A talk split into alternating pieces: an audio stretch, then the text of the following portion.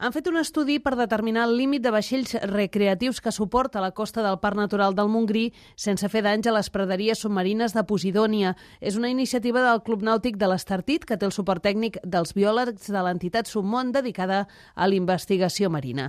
Us ho expliquem en el següent reportatge d'Albert Raquena i Josep Lluís Blázquez. L'estudi que ja han començat a fer tècnics de Submont pretén avaluar l'impacte actual dels vaixells recreatius a tota la costa el grau de coneixement i l'interès dels usuaris sobre els prats de Posidònia i les mesures de protecció.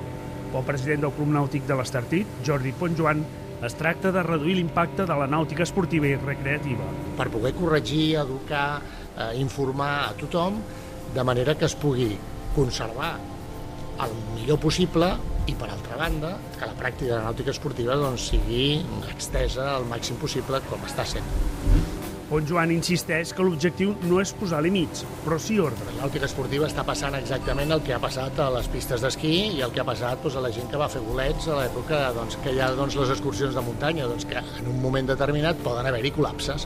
Llavors aquests col·lapses s'han de corregir, han d'haver-hi mides eh, dissuasòries, eh, situacions alternatives que recondueixin aquesta situació. Això no vol dir que es vulgui des del sector doncs, limitar res, sinó simplement posar-hi ordre. El biòleg marí de Submont, Jordi Sánchez, apunta que l'estudi es vol tenir llestit aquest mateix any. En base a tot això també es preveu tirar endavant una campanya de sensibilització, diguem, dirigida també als usuaris social nàutic, i això s'ha de tenir abans de que comenci la temporada TV. Per tant, la nostra idea és enllestir el projecte en aquest any.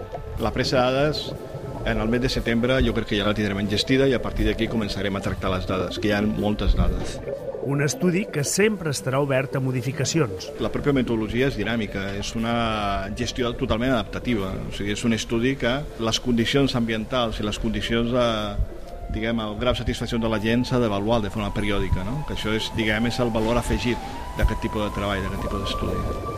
Amb aquest estudi, els tècnics detectaran les principals praderies de Posidònia que hi ha al Parc Marí del Montgrí i les Illes Medes, el seu estat i preferències d'ús dels navegants com ara si tiren les àncores o bé atraquen amb boies.